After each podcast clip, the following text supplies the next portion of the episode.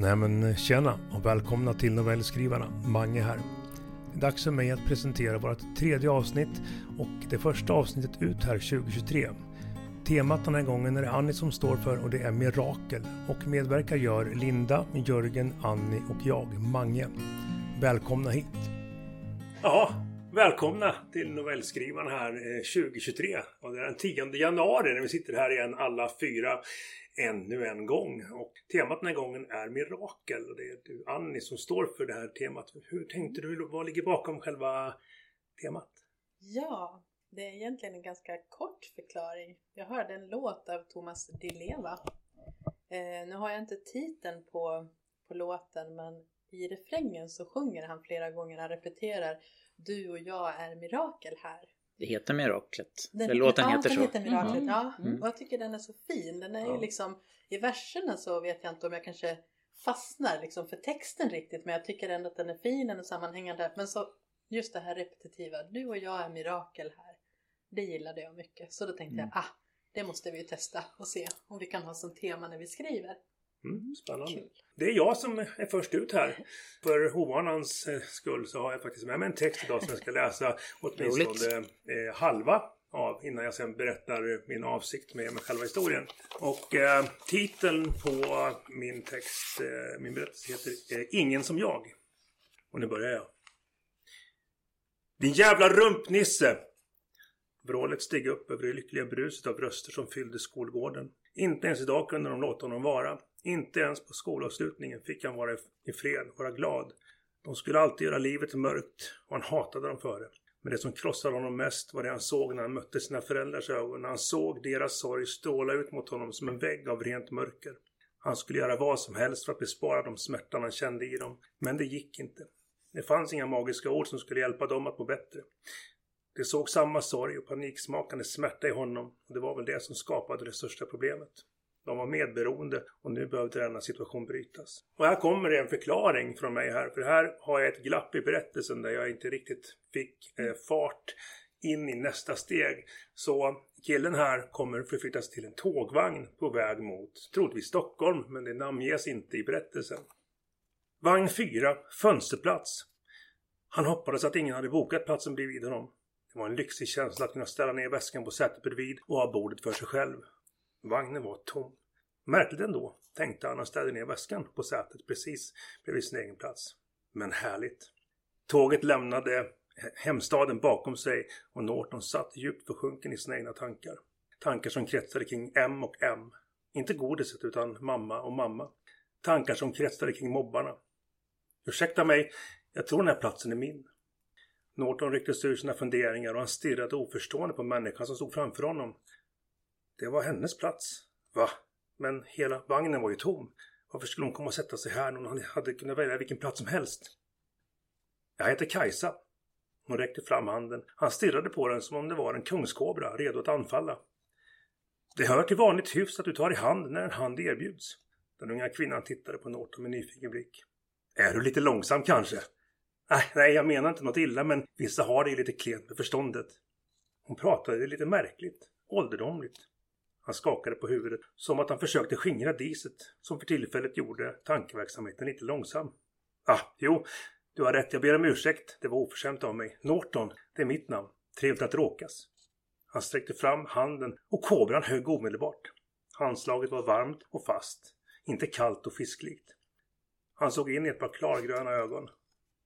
Du kan släppa nu, sa hon. Det är okej. Norton skulle återvända till det där handslaget många gånger under sitt liv men just där i tågvagnen kunde han bara tänka på två gröna ögon. Du har gröna ögon. Den unga kvinnan med grön, de gröna ögonen tittade på Norton, ena ögonbrynet något höjt. Hm, jo, jag vet det. Och jag tror också att du vet att jag vet det eftersom jag har haft mina ögon sedan jag blev till. Hon log lite innan hon fortsatte. Du gillar mina ögon, det är okej. Lite oskönt kanske, men okej. Hon flyttade på hans väska och satte sig ner. Du, är du okej med att jag fäller fram bordet? Han nickade, men hon hade redan fällt ut bordsskivan och höll på att plocka fram snacks. Du ser sugen ut Norton. Allt som finns här är open for business, men ett undantag. Låt mig få ha mina pistagenötter i fred. Det var inget annat än fascinerande att se henne äta sig igenom de olika snackspåsarna utan att kladda eller smula ner sig, eller bordet tömde hon den ena påsen efter den andra. Ta nu, annars blir du utan. Han tog ett par pistagenötter och han kunde ha svurit på att han inte såg henne röra en min när hon blixtsnabbt plockade nötterna ur hans hand. Big mistake mister. These nuts are belong to me. Kajsa morrade teatraliskt. Du, Norty. Vem är du egentligen? Vi kan ju inte sitta här på tåget en hel timme utan att veta mer om varandra. Han plockade upp ett par jordnötter som på något sätt undkommit attacken och tittade ner på sina händer. Det hörde inte till vanligheten att någon frågade honom om vem han var. Frågan överrumplade honom och han sa ingenting på en lång stund. Aj! Vad gör du? Han glömde för en kort eh, sekund bort de gröna ögonen och kände hur hans egna vattnades. Hon hade nypt honom på insidan av överarmen. Hårt dessutom. Alla dessa frågor. Norton, jag nöp dig. Dumstrut. Han torkade bort tårarna med tröjärmen. Jag kände det och jag fattar. Förlåt mig att jag inte svarar på din fråga. Jag är lite ovan. Kajsa vände sig mot honom och tittade forskande på honom. Vadå ovan? Han satte sig upp och rättade till hoodien. En pistagenöt trillade av och landade på golvet. Kajsa liksom snappade snabbt, snabbt upp nöten och snärtade upp den i luften och gapade stort. Nöten föll graciöst rakt ner i hennes gapande mun. Inte illa, men nöten låg på golvet. Skrattet som följde hans ord var inte kallt elakt utan öppet och trevligt. Du, femsekundersregeln gäller, särskilt när det handlar om pistage. Och där är min flödestext slut. Hon sitter på tåget och eh, det som grunden till den här berättelsen då som jag tänkte ta som en avslutande del av en uppläsning är ju att det handlar om en gravt mobbad eh, tonåring som har precis slutat årskurs 9. Eh, han har två mammor som föräldrar, eh, vilket är också, också grunden till hans situation i min, i min berättelse. Det framkommer i den andra delen av berättelsen mer när de har börjat prata med varandra för de har precis brutit isen här, de här två. Eh, han flyr från hemstaden eh, helt enkelt. Det är det han gör på tåget. Och det är den biten som jag inte har skrivit i det andra stycket. Hur han då eh, lämnar sina mammor i, för att lösa sitt eget liv på något sätt. Sker det i samband med att han slutar nian eller är det ja. några år senare? Nej, det här sker i, i glappet mellan nian och gymnasiet mm. ungefär. Han drar direkt för att hitta. Och han har mm. kusiner i Stockholm, för det är i Stockholm jag tänker på. Nyköping ungefär en timmes resa med tåg. Men om det inte är uttalat i texten och inte ska vara det heller. Mm. Så att eh, relativt kort resa. Och eh, miraklet här är ju tvådelat. Det är både Kajsa då som tjejen då heter och han som är varandras mirakel. För han är på flykt och hon är på flykt. Och tillsammans så hjälper de varandra att lösa det som troligtvis då hade varit ett ganska stort mörker. För att han reser ju i ett mörker, inte ur ett mörker utan han reser ju i det. Och tanken är att han ska nog på något sätt inse när han kliver av tåget att, att om han inte han hade träffat eh, den här tjejen på tåget så skulle han ha eh, troligtvis gått ett ganska mm. mörkt öde till mötes för så pass eh, liksom förstörd var han. Och detsamma gäller henne. När hon kliver av tåget så ska hon ha samma tankar och i det skulle jag bytt till ett eh, första persons perspektiv. Där hon skulle tänka kring mötet med den här vilken tur att jag träffade X. Vilken jäkla tur att jag träffade Y. Och det är miraklet. Mm. Att ett kort möte på ett tåg gör att man helt enkelt kan vända. Fint. Jag funderar på om det kanske till och med skulle räcka med, med tågresan. Alltså att hela novellen skulle vara deras samtal och interaktion på själva tågresan. Mm. Och där framkommer också det här med mobbningen. Alltså man kan ju få deras tankar samtidigt och hennes bakgrund. Men att det liksom, hur länge, en resa på kanske en timme. Precis. Som kanske förändrar bådas liv. Och det är inte säkert att de kanske gör någonting ihop men deras möte på något sätt gör att Mm. De går ur tåget som någon annan. Ja men precis. Det är, det, det är jättefint. Att, att klivet ja. ur när foten på perrongen så är historien slut. Det blir ingen mm. fortsättning utan det är, liksom, det är det som är vilken, vilken tur. Mm. Det är ju så symboliskt också att använda en resa som ett sätt att, eh, att det sker en förändring också. Att det, man, man byter plats, man mm. byter mm. perspektiv, man byter person.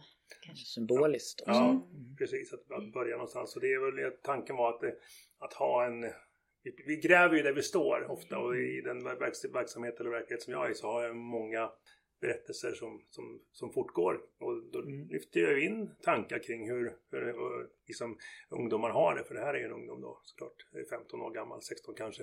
Men i alla fall, det var känslan av att plocka fram någon som trots all skit har tagit sig ur eh, en dålig situation och klarar av att, att, göra ett val, att lämna. Och det, det oskrivna här det är ju hur han då lämnar sin, sina, sina mammor eh, där i, i, hemma i hemstaden och säger att jag åker till mina kusiner i, mm. i storstan för att eh, ladda om inför gymnasiet. Jag tänkte på det du sa Jörgen, att, att man kan ha tågresan som hela liksom scenen men man kan ju ändå ha återblickar. Han kan ju mm. faktiskt minnas och tänka saker som gör att vi får en, en mer bakgrund till varför han är där. Mm. Och det är lite grann så som är, som är tanken också när, när samtalet djupnar mellan de här två. För det är tanken att det ska det. Att samtalet de har ska de ska hitta rätt snabbt in i varandras eh, huvuden liksom och känna att de blir accepterade ganska snabbt och öppnar upp till de här rummen som vi människor kan ha. Man pratar med jag vet inte, metaforer. Att vissa släpper man bara in kort, och andra släpper man in djupt. Mm.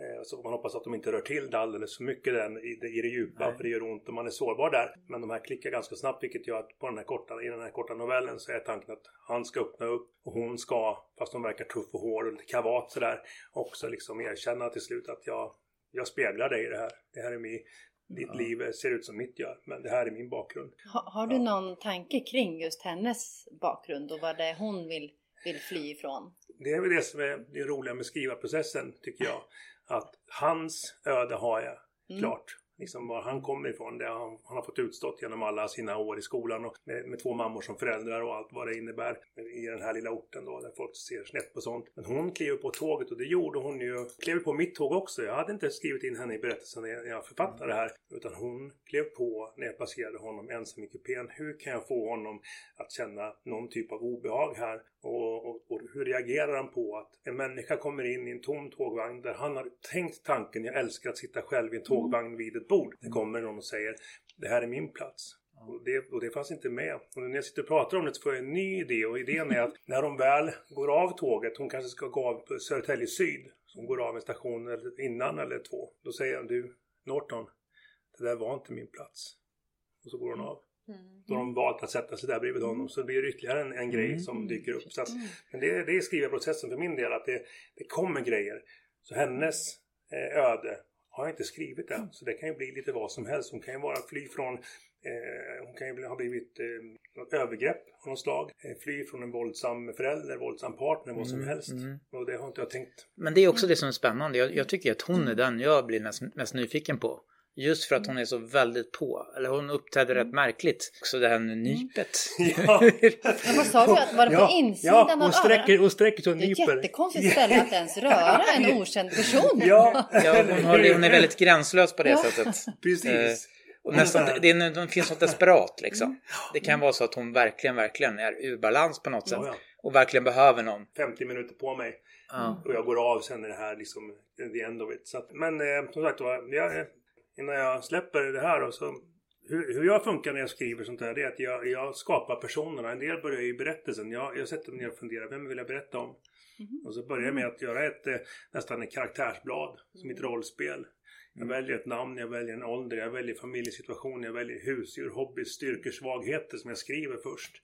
Och sen när jag kommit ner till slutet av det här karaktärsbladet då har jag en, någon typ av litet garnnystan som börjar, och så börjar jag nysta i det och då mm. sticker det iväg. Och när inspirationen och kraften finns då går det ganska fort. Men oftast i, i ens vardag där inte skrivandet är nummer ett så hamnar det ju lite grann vid sidan om och så tappar man draget ibland. Men, så jag börjar i det. Jag börjar liksom inte med att skriva i berättelsen utan jag börjar med personerna för att jag, det är de jag följer. En del som mm. är ju mera historien drivs framåt av sig självt men jag gillar personerna, det är de som ska berätta. Mm. Så att det, det var det jag började och det, det var kul. Redan här är det väldigt dialogdrivet mm. och jag tror att det, är en sån berättelse som ska vara det. Där deras mm. dialog ska ta upp en stor del av, av själva berättelsen. Och du är på väg att hitta någon, någon eh, ton där båda två uppfattar jag som ganska egna människor. Mm. Också på sättet de pratar på. Ja. Och det är också spännande och roligt. Men de kommer ja. ju fram, liksom deras temperament kommer ju fram tycker jag bra mm. eh, i det som du har skrivit. För det antecknade jag lite här själv. Mm. Och så tyckte jag om det här att man tids, alltså tidsförflyttningarna. När du sa sådär att det här kommer man att återkomma till i tanken flera gånger. Alltså, mm. Sånt gillar jag i alla fall personligen. När man kan liksom få in det och förstå mm. att det här mm det planterar ju också en känsla av att det här är ju något betydelsefullt mm. utan att vi kanske vet det från början. Det är också en liten hint om att han kommer ur sitt mörker i och med att mm. han ska återvända till det flera gånger under sitt liv. Sen kan det visserligen vara ett mm. kort liv. Eh, då så! Varsågod. Ja men tack, tack! Eh, mirakel! Det här blev ett eh, julmirakel. Vi fick ju det här uppdraget in, innan jul då. Mirakel känns ju ganska starkt kopplat till liksom, jul, julberättelser och så. Eh, julmirakel 2052. Det var så väldigt blått. Lysande blått som inte gick att misstolka. Du är gravid! ropade, nej, gallskrek det blå strecket. Och hennes värld skälvde till och mörkret föll. Ett bråddjup vidgades där det inte gick att få fäste på slippriga bergssidor, där det inte fanns någon väg att klättra upp mot ljuset, mot någon lösning. Nu var det slut. Framtiden försvunnen. Bara ett mörker och ett slut på allt det hon inom sig byggt upp som en möjlig framtid. Ett slut på det som ingen annan än hon själv och hennes mormor såg som en väg att gå. Ja, och Mando förstås. Han delade också hennes mål, hennes vision, hennes kraft. Hon ringde honom. Ett par veckor tidigare, i mitten av november då regnet öste ner för tredje veckan i rad, hade Camilia fått veta att hon hade kommit in på läkarlinjen. Som kvinna tillhörde hon en kvot på 25 procent som antogs till läkarutbildningen. Avancerade studier var förbehållet män i större antal eftersom kvinnor behövdes inom äldrevård och barnomsorg där deras mjukare sinnelag passade bättre. Som född i låginkomsttagarfamilj tillhörde hon en annan kvot på 25 procent som fick hö söka högre utbildning. Personer med låg lön och utbildning ansågs vara en belastning på utbildningssystemet och var inte värda att satsa på. Men efter att ha navigerat sig igenom ett otal kontroller, utfrågningar och personlighetstester, den ena allt mer förödmjukande och utlämnande än den andra, kombinerat med hennes betyg, hade hon klarat det. Hon hade kommit in. Det var en makalös, nästintill osannolik dröm som slagit in. En önskan som hade grott inom henne sedan barnsben då hennes mormor berättade sanna sagor om den gamla tiden då allt var möjligt oavsett vem man var och var man kom ifrån. Och nu var allt borta. Gravida hade inte tillåtelse att studera på universitetet och hon skulle bli utslängd från studierna och återbetalningsskyldig så fort magen visade sig. Gravida ska fokusera på den blivande familjen och inte bidra till kärnfamiljens förfall genom att tänka på annat som studier och arbete. Efter 30 graviditetsveckan hade gravida inte tillåtelse att arbeta. När hon ringde Mando och berättade sa han att han kommer över direkt. Men hon tyckte det var dumt eftersom han kanske inte skulle hinna fram till henne innan visitationszonerna aktiverades på kvällen och han skulle riskera att det skulle ta flera timmar. Vi ses imorgon, sa hon. Det blir bra. Hur mår du? frågade han. Hon kunde inte svara. Vi löser det tillsammans, sa han. Det klarar vi tillsammans. Nästa dag berättade hon för sin mormor. Hon som hade varit med på den gamla tiden då folket var fritt, liksom kulturen, känslorna, religionen, politiken. Då åsikterna tilläts vara fria och vägvalen låg vidsträckta framför varje människa. Hennes mormor visste om något annat än den begränsande, betvingande, kvävande, kväljande tillvaro som hade skapats de senaste 30 åren. Jag ska ringa några samtal, sa hennes mormor. Om den närmsta tiden ringer något okänt nummer, så svara.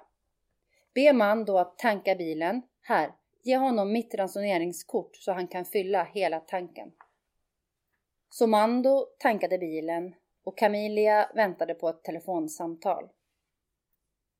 Tre veckor senare på en luciadag fylld av ljumma vindar och lönnlöv som virvlade från träden ringde det.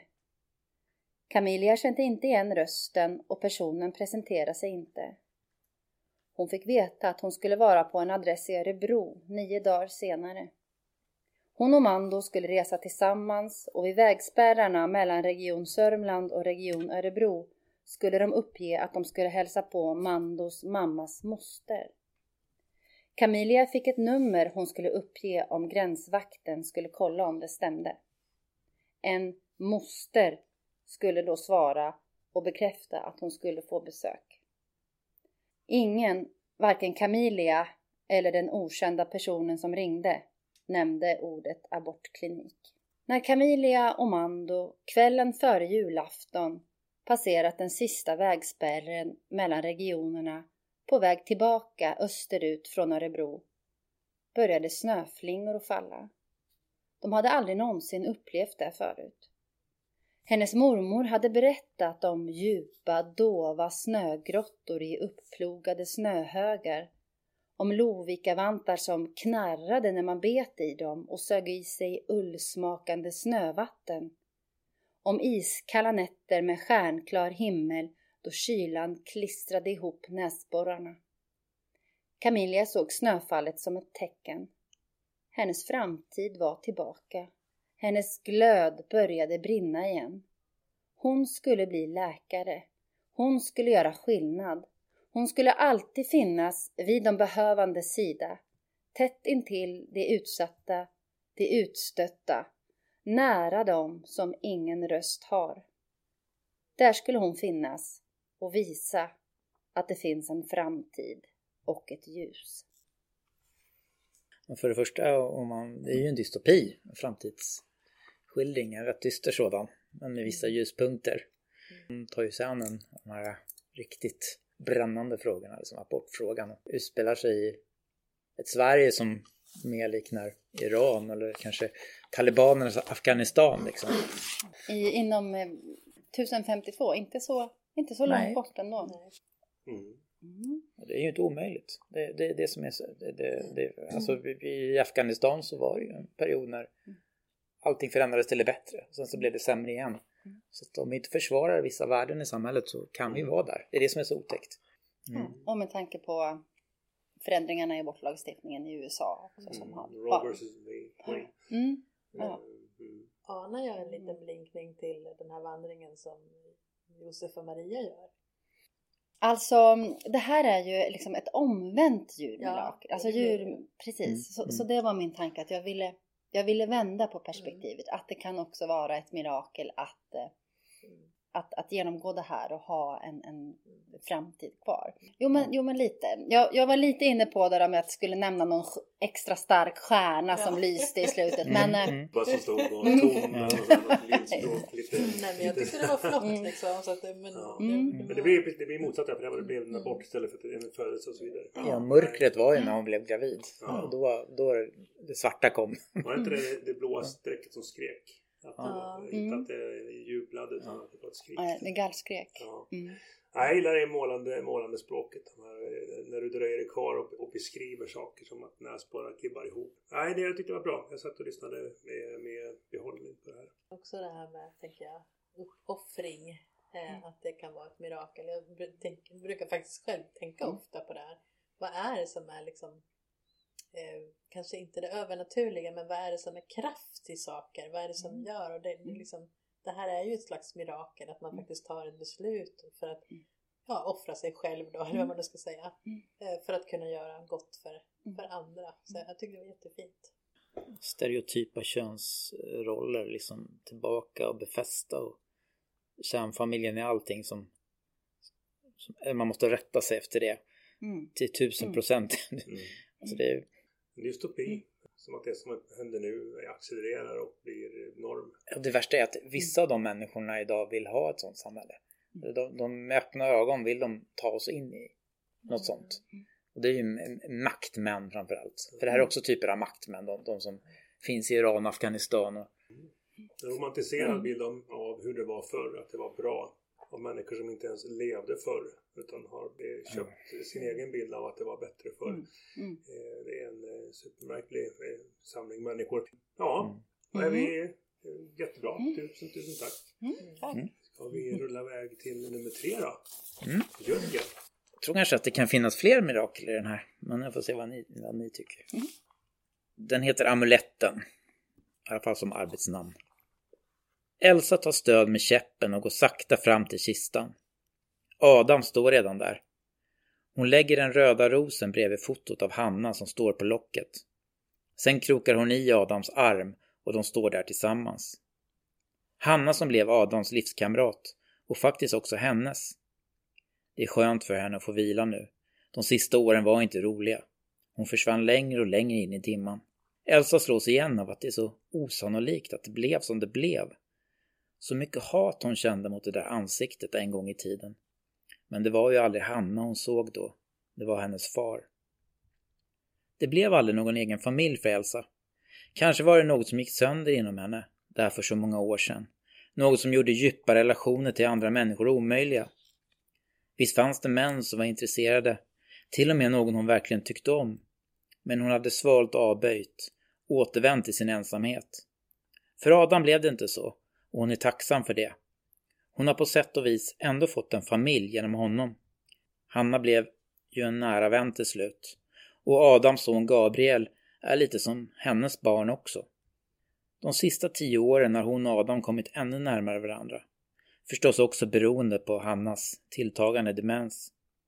Det fanns en lång tid när hon inte ens kunde vidröra de där åren i minnet utan att få ångest.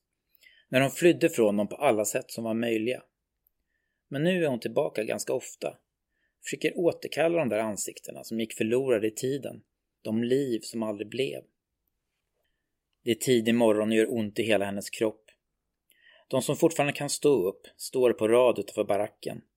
De som inte orkar stiga ur sina bäddar kommer att vara borta ikväll. Redan när han dyker upp så förstår hon att det här är en dålig dag. Knapparna på den brungröna uniformen blänker i vårsolen. Hans ansikte är sammanbitet och grymt. Det här är en sån dag när han pryglar någon till medvetslöshet. Letar anledningen till att skjuta någon. Kanske en dålig morgon hemma. Kanske ett dåligt samvete han inte kan hantera. Hon tänker att han är en ynklig man. Att alla som står här är värda så mycket mer än han. Vidriga omständigheter har satt honom på toppen och dem på botten. Mamma har uppfostrat henne och hennes bror att alltid vara stolta över sig själva. Han är inte bättre än dem. Det är precis tvärtom. Adam försöker gömma sig bakom henne. Hon vet att han är skräckslagen för den där. Sådana odjur går igång på rädsla. De kan känna vittringen. Själv känner hon bara hat och trots. Och det är som att det skyddar henne. Han skriker åt dem att skynda sig. De är trötta och utsvultna. Adam snubblar till, försöker hålla balansen och ta tag i hennes trasa till tröja. Men så ligger han där på marken. Djävulen går fram till honom direkt, tittar ner och spottar. Sen sparkar han Adam hårt i magen så han tappar luften och kippar efter andan. I den sekunden brister något inom henne. Hon gör precis det som hon vet att hon inte borde göra. Särskilt inte en sån här dag. Hon kastar sig över honom och sätter tänderna i hans hand, biter till så hårt hon bara kan tills hon känner blodsmaken. Han slår våldsamt undan henne med armen så hon ligger på rygg i gräset. Sen står han och stirrar på bitsåret, som om det vore ofattbart. Hon kan riktigt se hur förorättad han känner sig, hur han står där och jagar upp sig. Det är kört, tänker hon. Det är verkligen kört nu. Låt det gå fort. Han vänder sig om och ropar på sin kollega, befaller honom att ta gruppen till arbetslägret själv. Kollegan nickar bara kort. Sen vänder han sig till henne och Adam igen. Hans blick är svart. Rösten låter iskall när han säger att de ska följa med honom nu och ett litet ord eller ett litet motstånd och han skjuter huvudet av dem här och nu. Hon tänker att hur kan hon dela språk med den där besten? Han rycker upp hennes bror i håret, riktar vapnet mot henne och föser dem framför sig. De går inte så långt.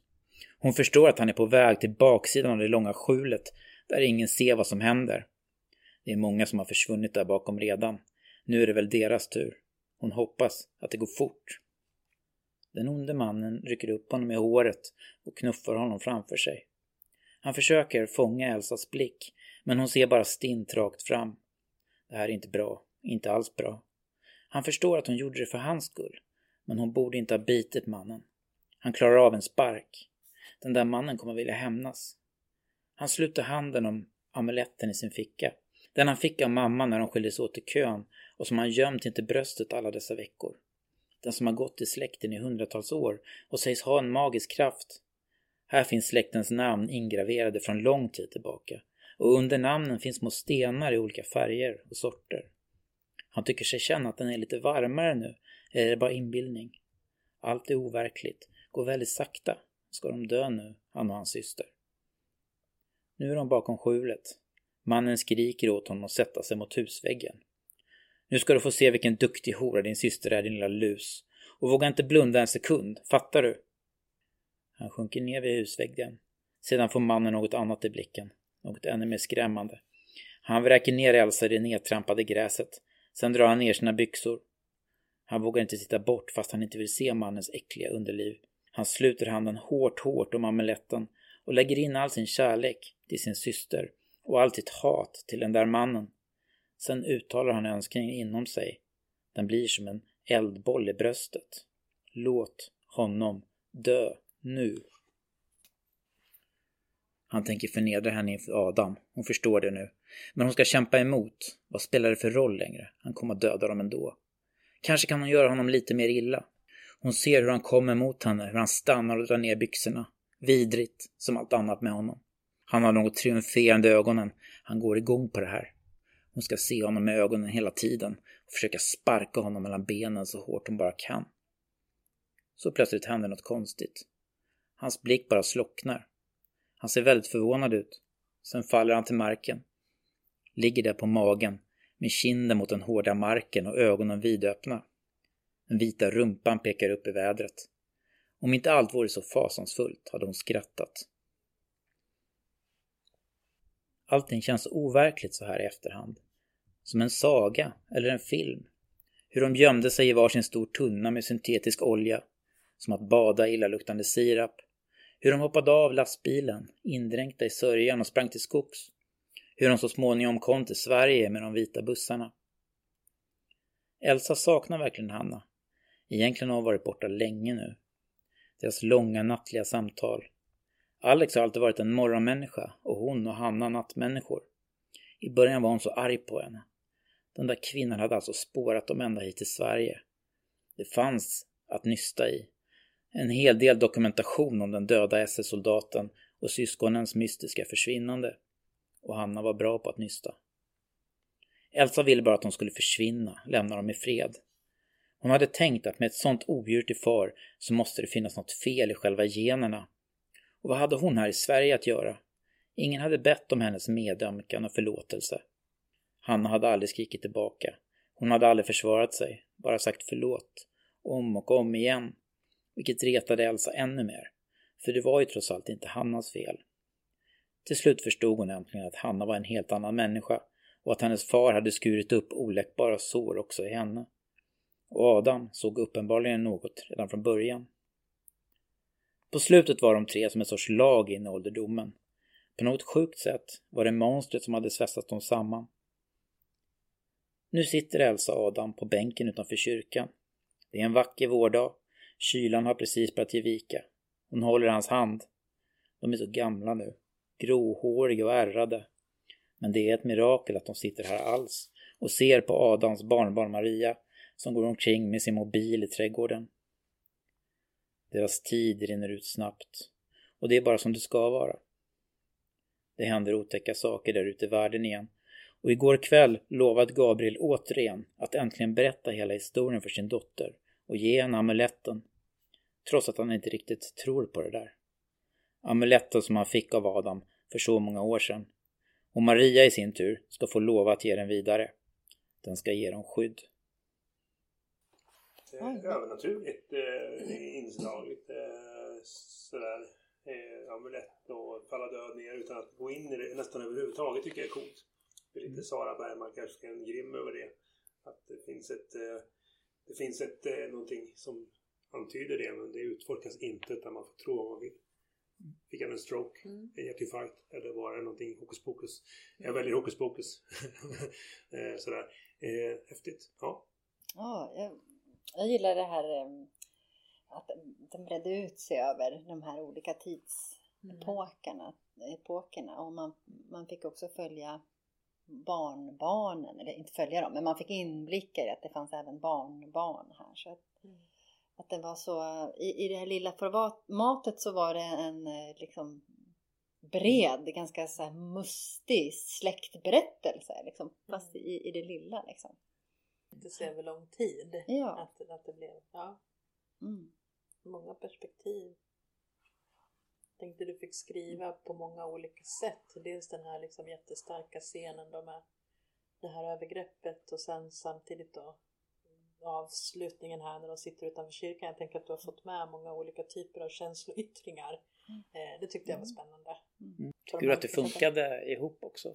Ja, jag, mm. jag, skrev faktiskt, jag, jag var lite mer, jag hade kanske velat ha lite, lite mer om de här tre, alltså det här på slutet när du liksom skrev att man hade funnit varandra i mörkret och, och alla de här sakerna. Jag förstod ju såklart, men jag mm. kanske hade velat jag blev liksom nyfiken på det. Hur, mm. hur hade de det efter mm. den här väldigt starka händelsen och, och hur, hur fann de varandra då? Och, och liksom, ja.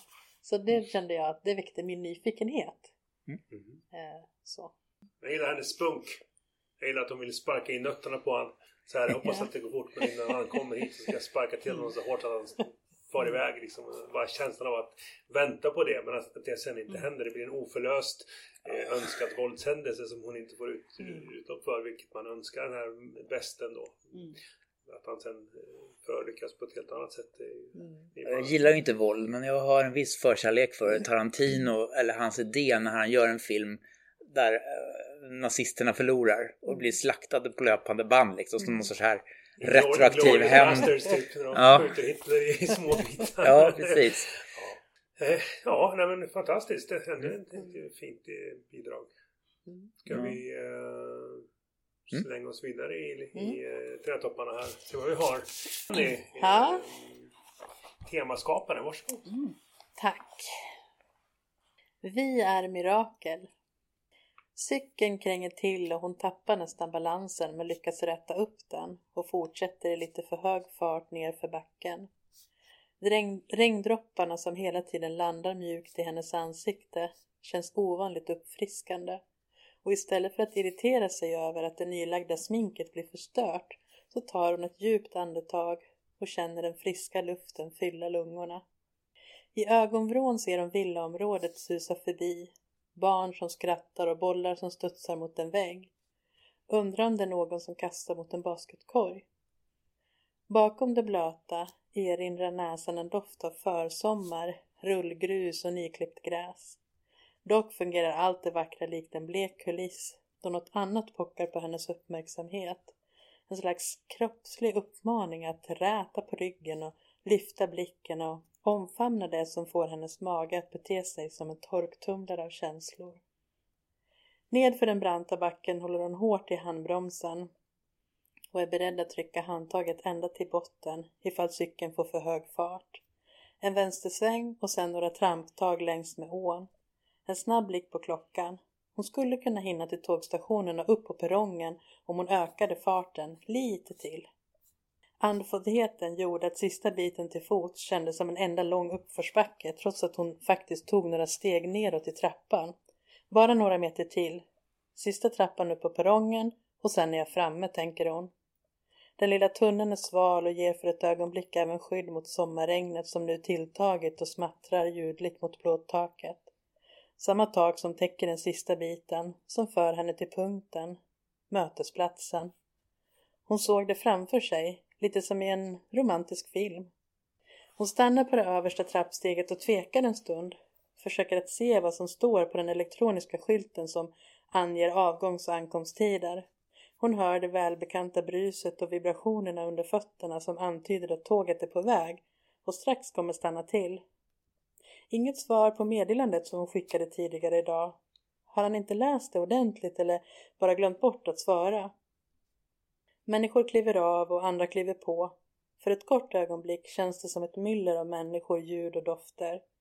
När alla intrycken ebbat ut och hon fortfarande inte fått syn på honom sjunker axlarna. Hon tar ännu ett steg ut på den asfaltsbeklädda avsatsen för att kontrollera att han inte bara stannat till och böjt sig ner för att knyta skorna eller för att plocka fram regnjackan ur väskan. Tomt. Öde. Ingen annan där mer än hon själv. Åh, idag skulle inte det här behöva hända. Idag finns det massor att glädjas åt. Trots påminnelsen så sköljer besvikelsen över henne. handen letar sig mot väskan, in och ner till botten för att kontrollera att det hon hade tagit med sig finns kvar. Besvikelsen är svår att mota bort för stunden. Hon föreställer sig ibland när det händer, när den här övermäktiga känslan infinner sig, att det är jättelika skuggfigurer som överfaller henne. Hon har lärt sig att möta dem istället för att försöka fly, att omfamna mörkret som sipprar, klöser och ljudlöst anfaller. Med långsamma steg går hon tillbaka mot cykeln som står slarvigt lutad mot stationshusets kortsida. Hon har ingen lust att cykla samma väg tillbaka utan promenerar lite håglöst mot centrum. Samtidigt som hon går över Kullerstenstorget med ett drippdropp mot kapuschongen så sticker hon ner handen i väskan och omsluter föremålet med handflatan. En värme sprider sig först i handen, sen armen och efteråt till resten av kroppen. En liten hemlighet, en flerårig önskan som är på väg att bli uppfylld.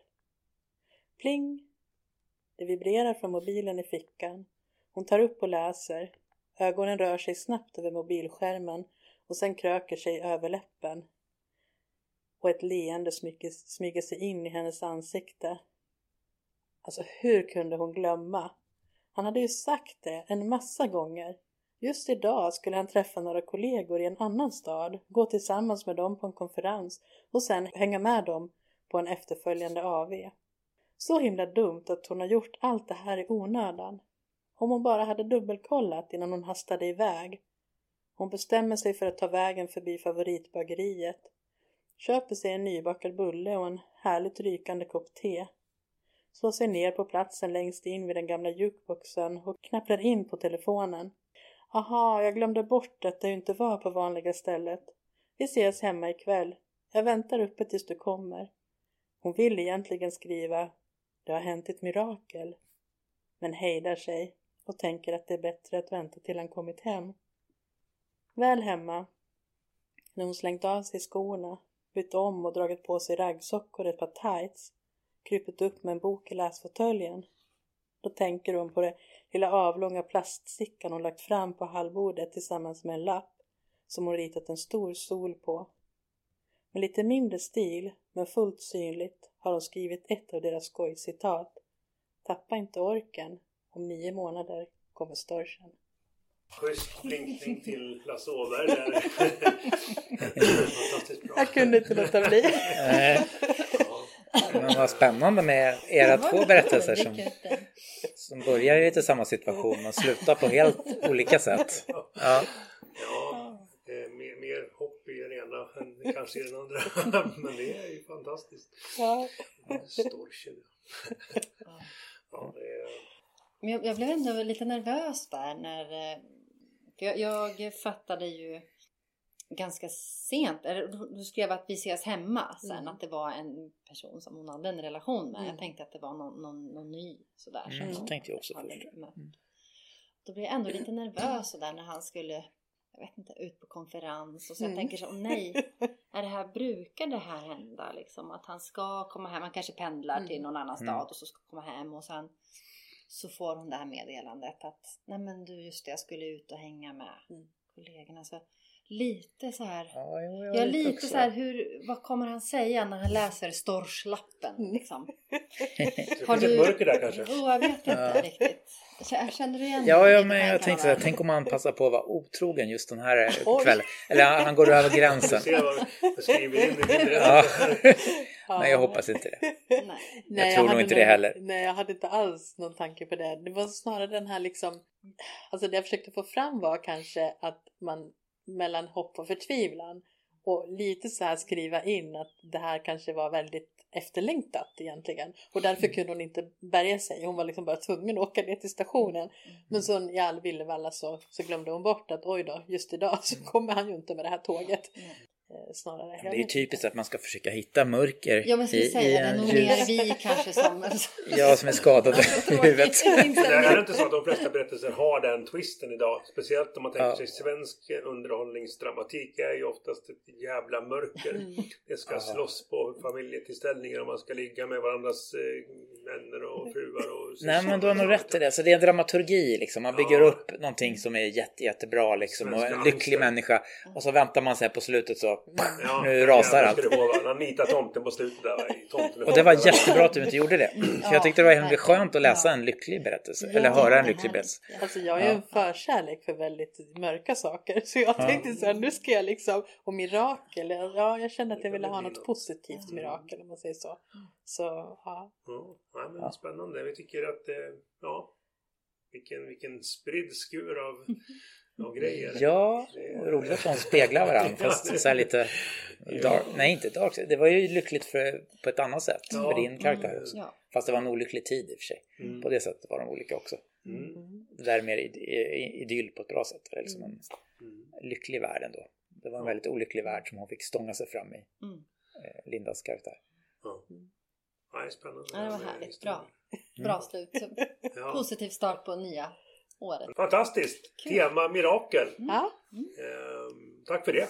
ja Mm. tack själva. Tack. Mm, Eh, och tack. eh, det börjar, börjar väl bli dags att eh, knyta ihop säcken och sparka ut grisen och stänga Ja, butiken. men precis. Eh, Men innan Ja. vi gör det så är det väl Ja. dags för eh, nästa tema, tyrann, att ta plats i eten. Så Jörgen, vad är nästa tema? Berätta! Ja, eh, jag har redan för er eh, presenterat fyra stycken målningar med vintermotiv. Vissa är väldigt kända och andra är mindre kända. Men eh, ert och mitt uppdrag också för den delen blir att med inspiration från en av målningarna, eller flera om man vill det, eh, skriva en berättelse. Eh, Och jag tänker att jag säger inte vilka målningarna är nu, utan jag säger det sen om ni väljer den målningen. Mm, Då kan jag berätta lite kort om den också. Mm. Mm. Eh, Och då är det ett bildtema så du kan inte ens sätta ord på utan någon typ av vintertema. ish. Ja, i alla fyra så är, är, Ja. är vint, det är det som förenar de här Ja. fyra målningarna. Eh, Spännande! Mm. Ja, nej, men eh, vi ser väl fram emot Mm, att eh, absolut. dyka in i de ramarna och plocka ut något mörkt och otäckt eller vackert och solskensdrypande. Vad, jag vet inte. Nej, vem vet, vi får Ja. se. Ja, kul. Roligt. Lite, lite vinter kan vi behöva. Ja, ja. Mm. Ska frysa fast någonstans. Sitta i någon is. Sitta i något knallskott i någon Ja, bak. en av målningarna är lite fastfrusen. ja, men spännande. Eh, ja, nej men då gör vi väl som, Mm. eh, som eh, vi ska. Vi stänger butiken, drar Mm. ihop snörena och stänger säcken och alltihop det här. Och tackar så mycket. Mm. Tack. och vi Tack ses nästa gång. Ha det gött! Ja, Ja. Hej. Hej då! Hej! Hej då. Du har precis lyssnat på Nobelskrivarnas tredje avsnitt och den här gången handlar det om mirakel. Nästa gång så kommer det handla om vinterkonst och det är Jörgens tema. Jag hoppas att vi hörs då. Ha det gott så länge och frys inte ihjäl för det är trist att dö i snön. Tja!